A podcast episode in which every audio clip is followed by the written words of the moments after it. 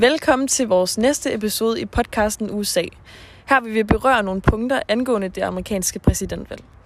Vi har nogle forskellige emner, begreber og teorier, som skal forklares. Vi har alle fuldt præsidentvalget 2020 med trippende fødder og dykke ned i, hvordan det amerikanske valg det fungerer. Først der vil vi dykke ned i USA som styre. USA er en federation, som er et politisk system, hvor en central øh, føderal regering deler magten med forskellige delstatsregeringer, der er en del af den samlede federation. Og i USA der har vi tre magtinddelinger, ligesom i Danmark. Vi har den lovgivende, som der består af kongressen og de to kamre, senat og huset. Og så har vi den udøvende magt, der er præsidenten, og vi har den dømmende magt, som er højesteret.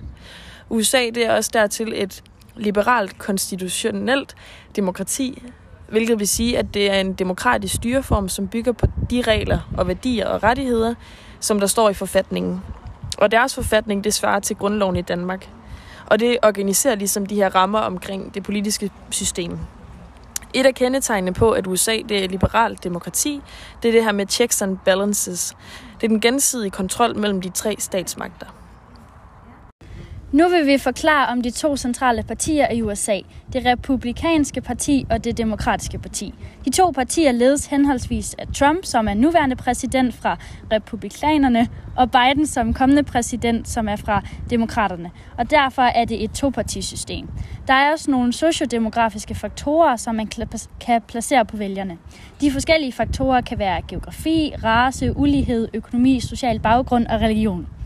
En typisk republikansk vælger er typisk en øh, mand, øh, og det var 54 procent i 2016. Størstedelen af republikanerne er også hvide, det var 58 procent, hvor kun 8 procent er sorte. Der er så 29 procent af både latinoer og asiater.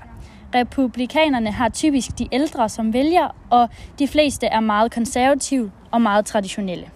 Går vi så videre til en typisk demokratisk vælger – det er så typisk kvinder, og det var 53 procent i 2016. Størstedelen af de demokratiske vælgere er latinoer og asiater med 65 procent. Demokraterne har generelt meget yngre vælgere, og de er ofte liberale. De fleste demokrater har også en højere uddannelse end universiteter, og det var så 58 procent. Demokraterne er meget moderne. Vælgeren kan kobles til de tre teorier af Anthony Downs, issue voteren og Michigan-modellen. Anthony Downs teorier er Rational Choice, som handler om, at politikere, politikerne prøver at ramme vælgernes interesser. Vælgerne og politikerne ses som rationelle, hvilket er fornuftigt, og derfor vil begge grupper stræbe efter at opnå mest mulig nytte. Det vil de gøre, fordi vælgerne ifølge Downs vælger ud fra egen nytteinteresse. Dermed vil den præsident, der pleaser flest vælgere, vinde valget. Næste teori er issue-voteren, som går ud på, at voteren øh, stemmer ud fra et politisk emne eller ud fra en enkelt sag, som vælgeren synes er afgørende. Den kandidat, der går ud fra et bestemt emne, får vælgerens stemme. Øh, som man kan se på modellen, kan issue-voteren vælge mellem enten nærhedsprincip eller retningsprincippet. Nærhedsprincippet går ud på at stemme på et parti eller den kandidat, som har samme værdier og holdninger, som vælgeren selv har. Og retningsprincippet går ud på, at vælgeren stemmer på et parti eller en præsidentkandidat, som kan trække politik, politikken i den rigtige retning. Og sidste teori er ud fra Michigan-modellen, hvor vælgeradfærd er et udtryk for sociopsykologiske handlinger. Og individets socialisering i familien og med venner og forskellige grupper har betydning for, hvem de kommer til at stemme på af de forskellige kandidater. Dernæst vil vi gerne forklare, hvilken rolle magtens tredeling har i USA. Her har vi præsidenten, og vi har kongressen, og vi har højesteret. Præsidenten er statsoverhoved og regeringsleder. Det vil sige, at han er en politisk leder og et nationalt samlingspunkt.